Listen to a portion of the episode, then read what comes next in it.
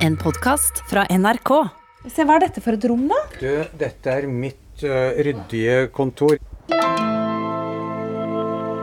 Jeg er i en fasjonabel toppleilighet på Oslos vestkant, der Ole William Klyver vil vise meg arbeidsgodtet sitt. Ja, men Det var jo veldig koselig. Litt krypinn, kryp inn, da. På veggen ved døra henger flere innramma bilder. En plakat med teksten 'Stem NS'. En gammel propagandategning som latterliggjør de allierte. Og der, i glass og ramme ved siden av hverandre, Norges førerektepar. Her henger uh, Quisling selv. Ja. Og der har du Maria. Men det er jo litt spesielt å ha de bildene på veggen. Det Absolutt. Det må, det må bety at jeg er uh, nazist også. Det må bety det.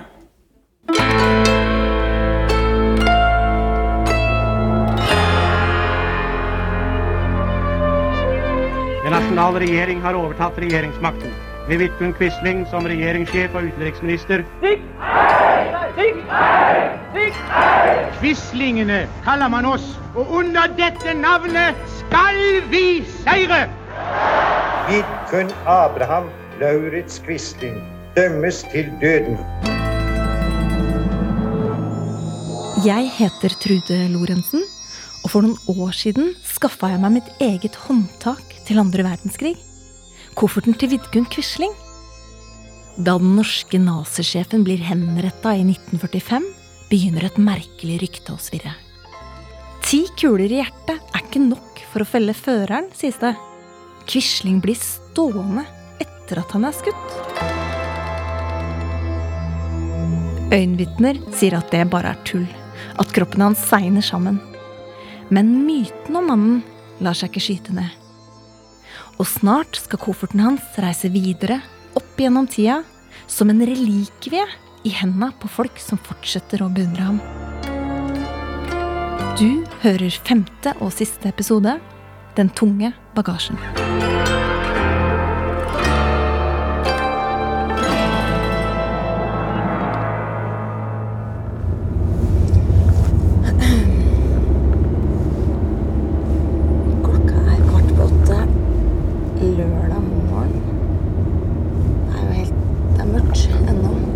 Det er 24. oktober, datoen Quisling ble henretta, og jeg er på vei til Gjerpen kirke i Skien, der jeg skal møte en slags gravspaner. Han ringte jo nå og sa at det allerede har vært noen der. Oi. Hvor tidlig har de vært der, altså? Der står en mann.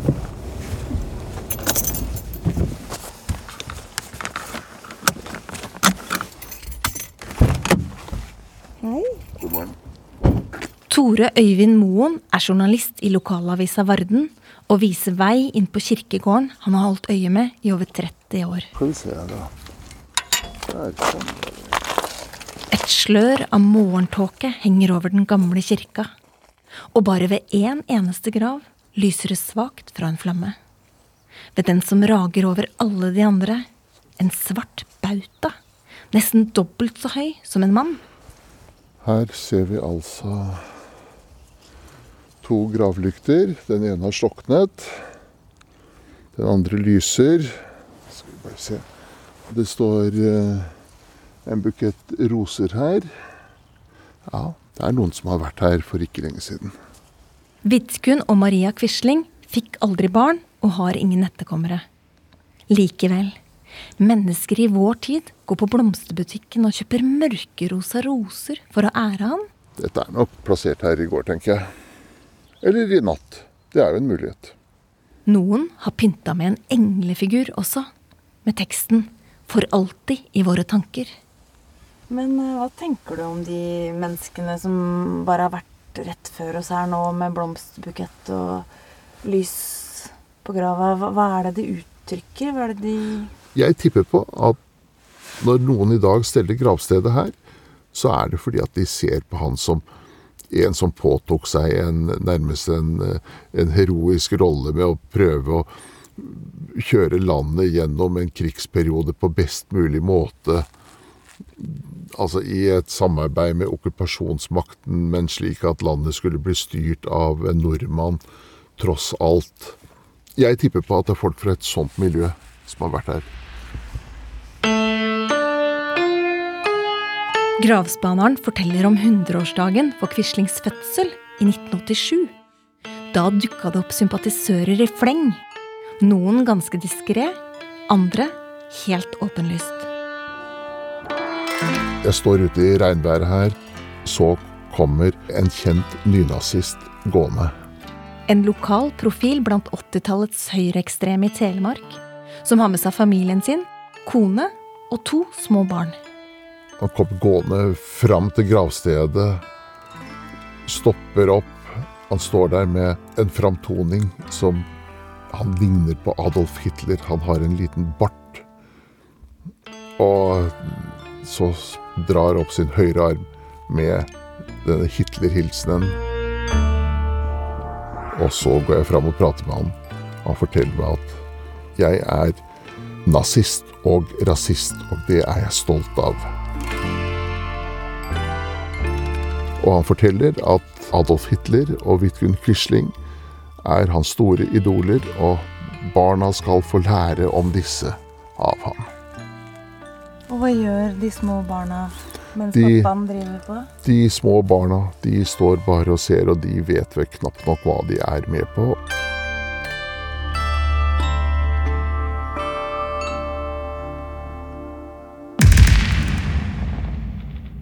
Da han ble skutt, satt jeg på vann og brød på celle.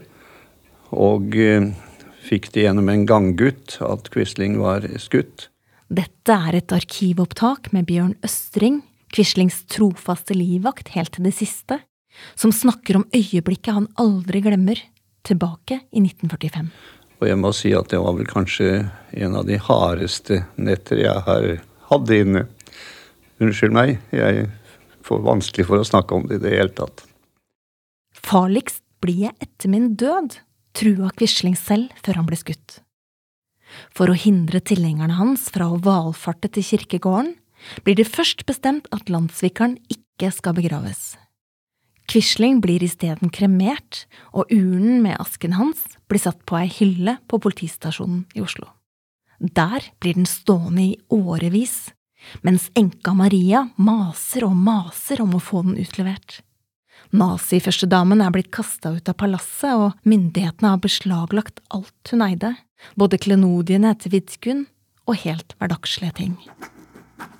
Gang på gang i 1946 og 1947 spurte jeg om å få utlevert noe undertøy.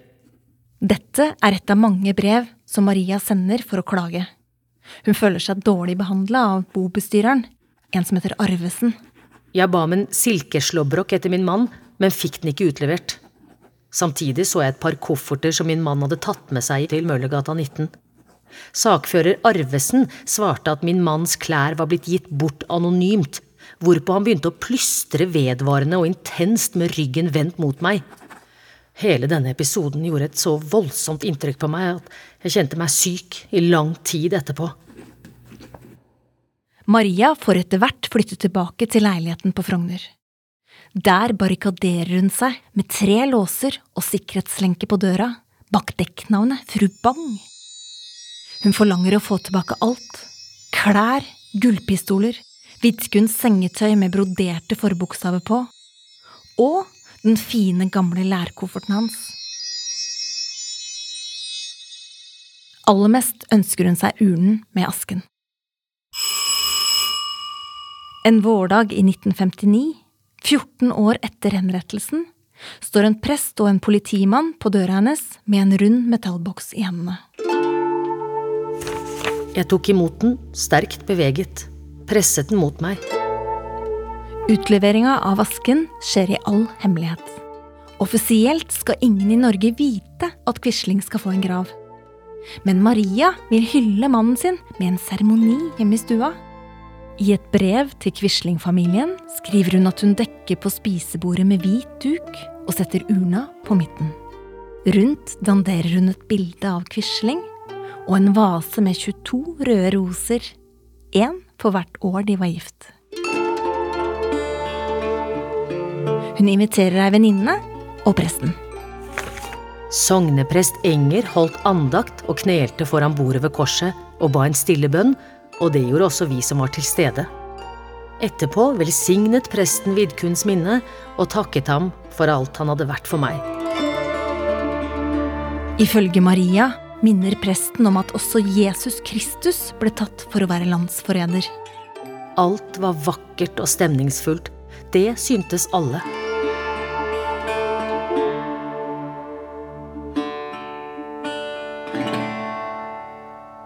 Han hadde hatt det skrekkelig vondt hvis han ikke hadde blitt henrettet, så jeg er litt takknemlig for at han ble henrettet. Dette er Ole Wilhelm Klyver, en av få som kjenner miljøet rundt enka til Quisling fra innsiden. Han ville ha vært eh, et hatsobjekt til sitt siste åndedrag. Vi er i den fine toppleiligheten hans i Oslo, der han bor med kona si og seks rasekatter av forskjellige typer. Ser du pus? Ragdoller og siamesere. Å, du var vakker! Men de går overens? De er Du, faktisk.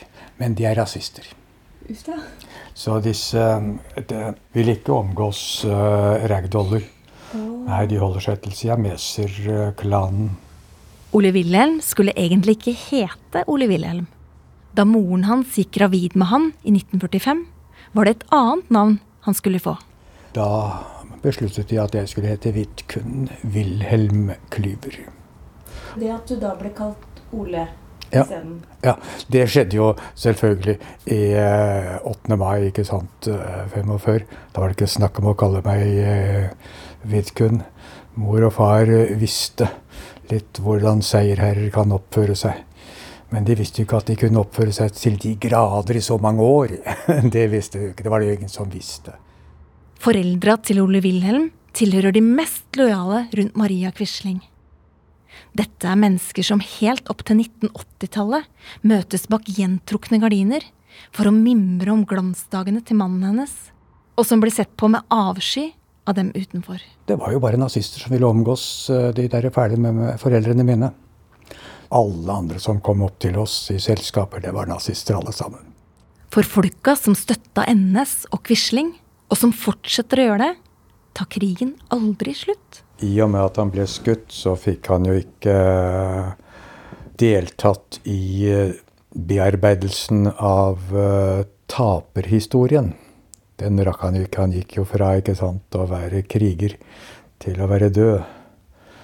Mens alle de andre i 1945 de måtte jo inn i taperhistorien.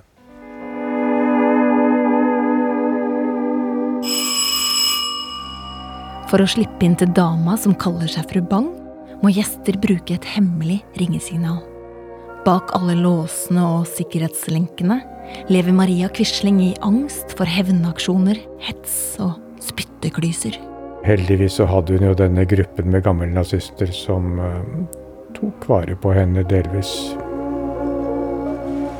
Var hun på en måte litt sånn førstedame fortsatt? For dem? For moren din? Ja, jeg tror det. Jeg tror det. Ja. ja. Absolutt. Hun var en eh, et symbol på et samhold som en gang hadde vært virkelighet. I dette miljøet så ble Quisling dyrket som en gud. Altså, han var totalt ufeilbarlig. Hadde ingen feil. Alt han noensinne hadde sagt og gjort, var riktig og klarsynt og fremoverlent og i det hele tatt. Han eh, var det ikke mulig å kritisere, da, for han var så genial. Historiker Lasse Lømo Ellingsen har studert hvordan de mest innbitte gamle NS-folka dyrker sin egen versjon av hvem som var helter og hvem som var skurker under krigen. Må huske på at det er personer som 30-40 år etter at krigen var over og Vidkun Quisling var henrettet, fremdeles sto på barrikadene for å forsvare han. Så de var såpass eh, fascinert og eh, inne i den eh, personkulten da, som omgikk Vidkun Quisling, at de valgte å, å føre den kampen videre. For disse menneskene får eiendelene til Quisling ny betydning. De blir til relikvier. Som en flis fra korset til Jesus eller fotballskoa til Maradona. En hellig bit av føreren selv. Så det er klart at eh, et sånt objekt da, som den kofferten representerer noe slags sakralt, så, eh, så gjorde det kanskje det. da. Altså Det var liksom hans koffert, og han var eh, gud og helten og forbildet og i det hele tatt. Da jeg kjøpte kofferten på en nettauksjon, gikk også Quislings skitne putevar under hammeren. Solgt med skjolder av sikkel og nattesvette for 4000 kroner. Det er enka Maria som først oppdager at det fins et marked for Quisling-ting. En brun basar. Kunst, møbler og antikviteter som har tilhørt Norges største nazist. Maria har mast lenge om å få igjen alt, og nå har hun leiligheten full. Alle maleriene, ikke et eneste et, var lyst og vakkert. Det var dystre russiske malerier som hun hadde fått tilbake fra boet som ble tatt av de norske myndigheter. Kurt Johannessen er en storsamler av klenodier fra andre verdenskrig. Som ung mann klarte han å slippe inn i leiligheten til Maria sju ganger for å handle. Og jeg måtte opp til det jeg kaller en uh, psykologisk test. Og det var uh, Det var ikke noe småtterier. Jeg satt rett overfor henne. Så begynte hun, og så sier hun det at uh, de må svare på et spørsmål, Johannessen. Ja. Tror du min mann noen gang vil bli rehabilitert? Tatt til nåde? Etter å ha tenkt meg litt om noen sekunder, så sa jeg det eh, at eh, deres mann vil aldri bli tatt til nåde. Hvorpå hun for opp og begynte å skrike Josef Terboven hadde all makt over min mann. han hadde intet å si. Og da sa jeg det at han undertegnet dødsdommene. Og det er i grunnen nok for meg, sa jeg. Men var du ikke veldig redd for å bli kasta rett på huet og ræva ut? Jo, fordi at hun skrek høyt og var helt ute av seg. Men jeg blafra vel litt med en svær hull med tusenlapper. Kanskje. Så hun ble jo interessert i meg, da. Jeg skal gå foran. Ja. Kurt har tatt meg med til et hemmelig lager, der han oppbevarer samlinga si på 1000 våpen og gjenstander. Her er lås. Og der er det lås, og så to låser her. Veggene er armerte, og overvåkningskameraer stirrer på oss fra taket. Men her har de vært på døren. Du kan se merkene her etter brekkjern. De har stukket inn, og så har de forsøkt å få opp der. Han vil vise meg den fineste Quisling-skatten sin. Eh, ja Her har vi da pistolhyllene mine. Det ligger i par. Pistoler er alltid laget i par. Fra en stappfull reol henter han dem frem. De er svære? Ja, de er svære. Og tunge. Og de er da forgylt. Quislings to gullpistoler. Fra den gang han var nødhjelpsarbeider og gifta seg med ei ungjente. Før han ble nazist og forrådte Norge. Da Maria solgte pistolene videre, var den første kona for lengst jagd på dør og Quisling selv blitt til aske. Men hvorfor ville hun selge alle disse tinga? Hun trengte penger. Ja, hun hadde ikke noe å rute med. Men fikk du inntrykk av at hun solgte det med letthet, eller var det mye kvaler? Nei, det kom ikke frem. Kurt sier at han er blitt tilbudt store penger selv for å selge Quislings pistoler videre. Men han overlater dem ikke til hvem som helst. Det er flere som vil ha mine pistoler, men noen av dem de skal ha det som en sånn avgudsgjenstander. Vi har flere av de som står opp om morgenen og, står foran bilder. Så vi kjenner, kjenner til flere av dem. Sig Heil? Ja. Det er gærne mennesker. Og jeg har sagt at jeg, nei, de er ikke for salg. Og jeg har sagt jeg skal ha de, jeg samler på dem. Mor var veldig nær uh, Maria da alderdommen ble mer fremskreden. Og hun var opplagt veldig mye alene.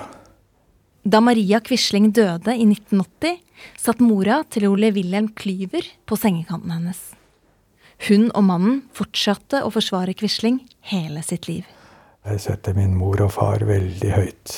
Stikk i strid med det som uh, mange andre vil si at naziforeldre skal man ikke like. det er litt for enkel svart-hvitt historie. Hva slags bagasje bærer Ole Wilhelm på, som sønn av to overbeviste nazister så nær føreren? Vi blir eh, liksom eh, sett på som rare etterkommere av eh, onde foreldre. Man er mennesker selv om man taper en krig. Ole Wilhelm føler seg utstøtt, eller satanisert, som han sier. Siden krigen har nazistene og barna deres blitt evige syndebukker, mener han.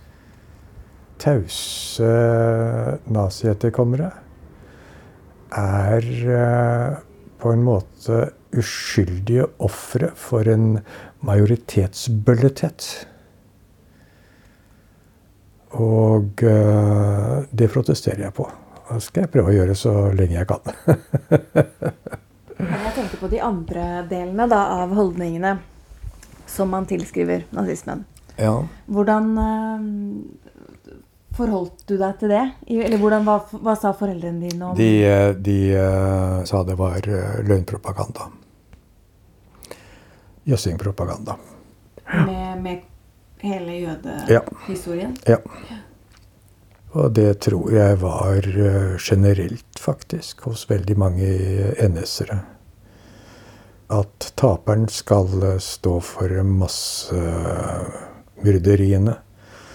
Mens man vet jo hva amerikanerne, engelskmennene, sto for når det gjaldt pøsing på med brannbomber i de mest bebodde byene fulle av flyktninger i Tyskland. Det nevnes ikke lenger. Men er du sånn som ikke syns holocaust skjedde? Du, at det har vært en holocaust, har jo skjedd i, til de grader. Men ikke bare mot jøder, men mot uh, tyske barn, mot uh, ukrainere og hele veien i uh, denne marxistiske ideologien som herjet med bolsjevikisk ledelse. Der var det holocaust hele veien. Her er det viktig å slå fast én ting. Det industrielle folkemordet på jødene er grundig dokumentert i en helt egen liga av grusomhet i verdenshistorien.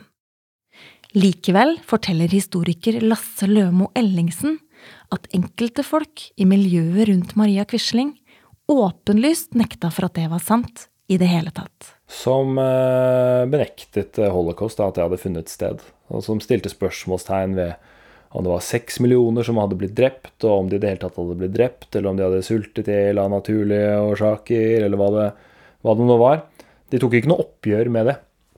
Disse menneskene sto for holdninger som brøt totalt med det de fleste i Norge mente etter krigen. Både rasisme, holocaustbenektelse, konspirasjonstenkning, ganske sånn ekstrem eh, antikommunisme og i det hele tatt en sånn mistillit mot hele liksom, det norske samfunnet.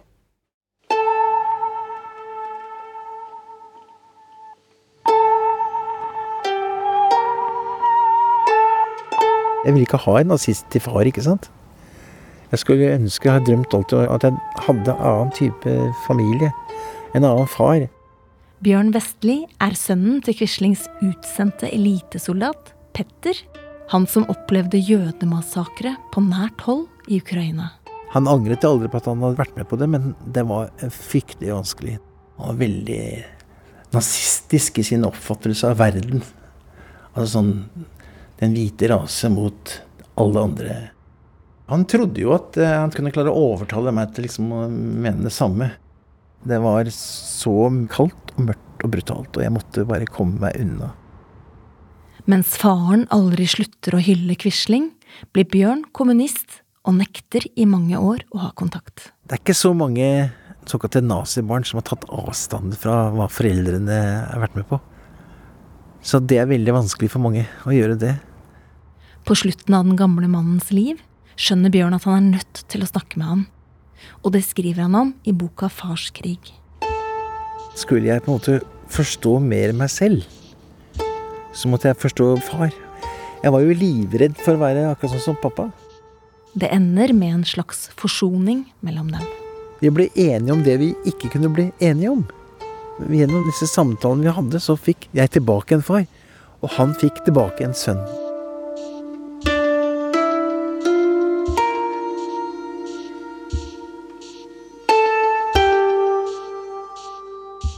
Vidkun Quisling selv og kona Maria fikk jo aldri noe barn. Og i Norge er det ingen som bærer det belasta etternavnet i dag.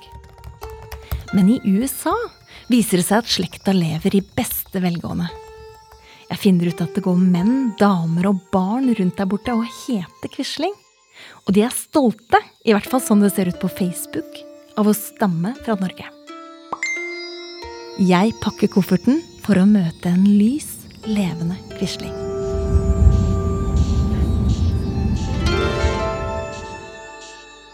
Der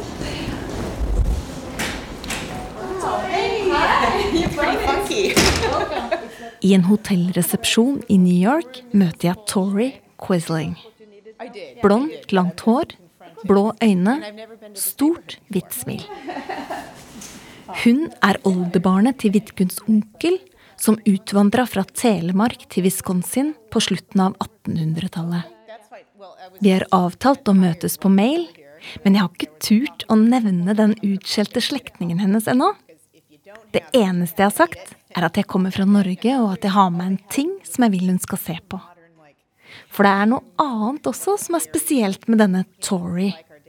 Hun jobber som clairvoyant, som synsk, og hevder å kunne kjenne energier i gamle gjenstander. Som for eksempel en koffert. Okay. Well, let's see this object. All right. Here we go. På hotellrommet mitt setter Tori seg godt til rette i senga. Og jeg løfter fram Vidkuns gamle reisefølge i brunt, oppskrapt lær. Uh, wow, look at this. Oh. oh, wow. All right. So it has initials on it. What do you know the initials are? It's a V and a Q. Okay. You know, uh, just bringing it in here uh, just uh, went right into my stomach and I just wanted to cry. There's a lot of sadness on this. Such sadness that you can't catch your breath. Tori sier kofferten fyller henne med tristhet, selv om jeg ennå ikke har fortalt at den har noe med slekta hennes å gjøre. Hun snur og vender på den, og jeg holder pusten. It's like a talisman of some kind. It, you know, it's like in Harry Potter, and you know, like Voldemort would be contained in certain objects. Ifølge Tori inneholder kofferten en slags magisk kraft fra fortida. Right? You know, where a spirit can still live in something, right? The, the, the uh, original owner, I think? Yeah, yeah, the original owner. Mm -hmm. well, that's, that's a little scary. Mm -hmm. Ok, nå er det på tide å pense samtalen inn på de konkrete folka. På slekta hennes. Um, I'll tell you a little bit, because VQ is Quisling. Yeah, that's what I figured. Uh, but I don't know if you know that man, it's very, very far from you. But do you have any idea about Is it Vidkin Quisling? Yeah, okay. Yeah. Jeg har vært litt nervøs for dette øyeblikket her. For å nevne at hun deler gener med en verdenskjent landssviker. I know, even the same initials. My parents call me Victoria Quisling. Yeah, that's oh, right. I know. Yeah. How, how do you feel about that? You know, because uh, I've always been an American, born in 1966, so I don't, you know, it's uh, uh, very um, distant um, and it's very tragic what happened. Absolutely. And my family's always talked about it in that very tragic way. Bortsett fra Tori selv er nesten alle i den amerikanske greina av familien leger. Nazislektningen fra Norge er et sårt tema. Men når hun sier at det er tragisk, hvem er det hun tenker på som ofre? Yeah, it's touchy because yeah. the family has had to go underground there in Norway, and then to uh, have this in the in the family name has has always not been um, something we're proud of. Definitely not. Especially my grandmother, she would shush us if it, we tried to ask about it. She'd be like, "We don't talk about that. We have nothing to do with that." You know, almost like you know, it's dangerous if we talk about that. So. Tori irriterer seg over at etternavnet hennes står i ordboka, som definisjon på forræder, Judas og slange i gresset. No, we never like that. no, it's terrible because it doesn't reflect my family at all. Um, it has nothing to do with me. You know, I'm an American born 20 years later so from when all this happened, but, you know, th- there's strong feelings uh, still from that war, you know. Tori stryker hånda over de to forbokstavene på koffertlokket, som om hun kjenner på krafta, på godt og på vondt, fra alle de forskjellige folka som har kryssa dens vei. This suitcase holds all those stories, so it is really powerful.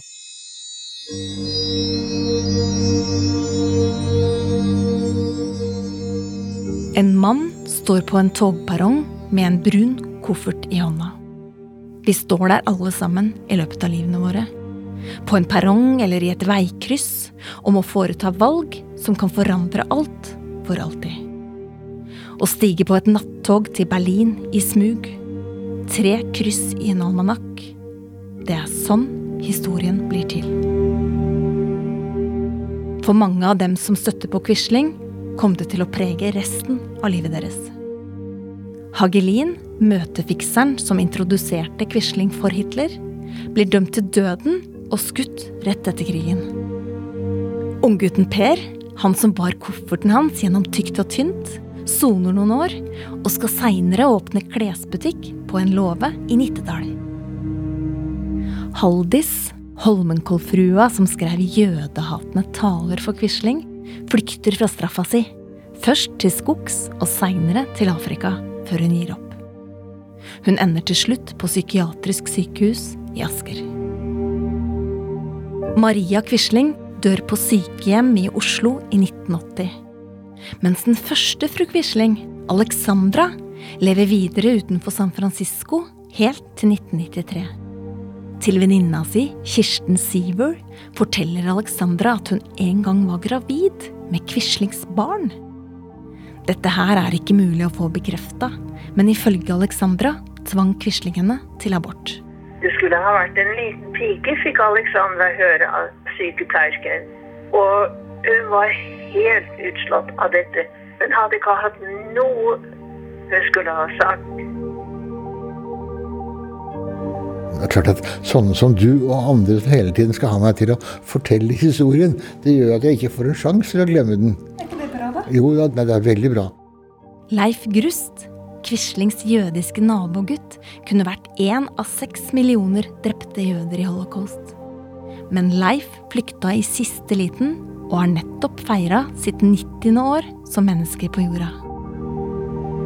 Når Leif forteller historien sin, er det for å takke de ukjente folka som satte sine egne liv i fare for å hjelpe han i sikkerhet. At flest mulig i dag får vite at slike mennesker fantes det den gang i Norge, og det var mange av dem. Selv har han fylt livet med barn, barnebarn og plombering av jeksler. Først blir han vanlig tannlege, så rettsodontolog. Du identifiserer døde mennesker ved hjelp av eh, tenner. Og gamle dager kommer snikende bakfra i nye versjoner. Den 22. juli 2011 får Quislings gamle nabogutt et spesielt oppdrag. Utøya, der var jeg med for å identifisere alle de som, som ble skutt da. Så liksom din gamle nabo dukka liksom litt opp igjen Ja. der òg? Ja, ja, ja. ja.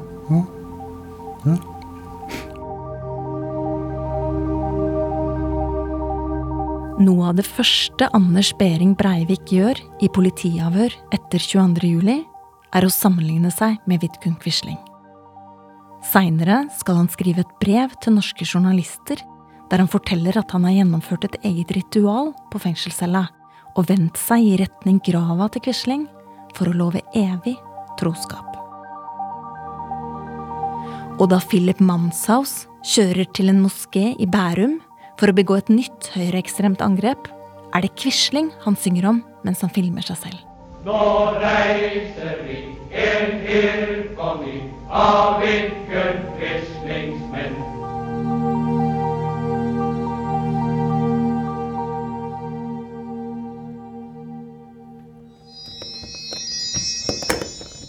Jeg smekker Quislings koffert sammen og skulle ønske at denne reisen endte i en mer betryggende nåtid. Men ved å ta fortida på alvor skal det aldri gå sånn som nazistene selv så for seg. Også Vidkun Quislings kamp for Norge blir en gang historie.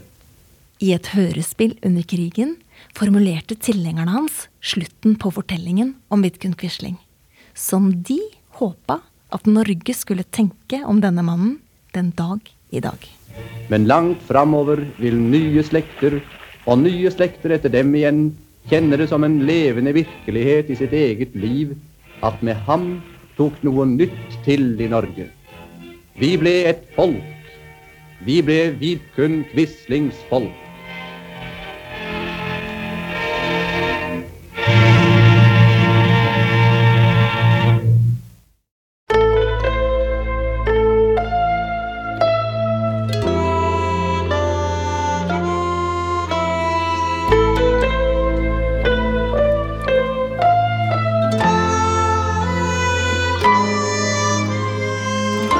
Femte og siste del av Quislings koffert, laga av Trude Lorentzen og Svarttrost. Produsent og lyddesign ved Sindre Leganger. Geir Sundstøl har laga musikken. Prosjektleder hos NRK er Kjetil Saugestad, og Siril Heierdal er redaktør. Delopptak ved Kari Hesthamar. Loggere var Bjørg Myhre, Emma Setre, Inger Wilhelmsen Seljestad, Silje Mathisen og Tage Tollefsen. Ekstra research ved Beate Riser og Tarje Holtvedt. Susanne Pålgaard ga stemme til Maria Quislings private tekster. Klipp med Bjørn Østring er fra Per Bjørn Pedersens radioserie Solefallstid. NS-hørespillet blei laga i 1942. Holocaust-senteret, Riksarkivet og Nasjonalbiblioteket har gitt verdifull tilgang og innspill. Andre kilder er Ralph Ewins bok 'Profet uten ære', Jørn Christian Jørgensens bok 'Trøster og tyrann' om Møllergata 19, Arve Juritzens bok 'Quisling privat' og Hans Fredrik Dahls store biografi om Vidkun Quisling. En podkast fra NRK. Alle episodene finner du i appen NRK Radio.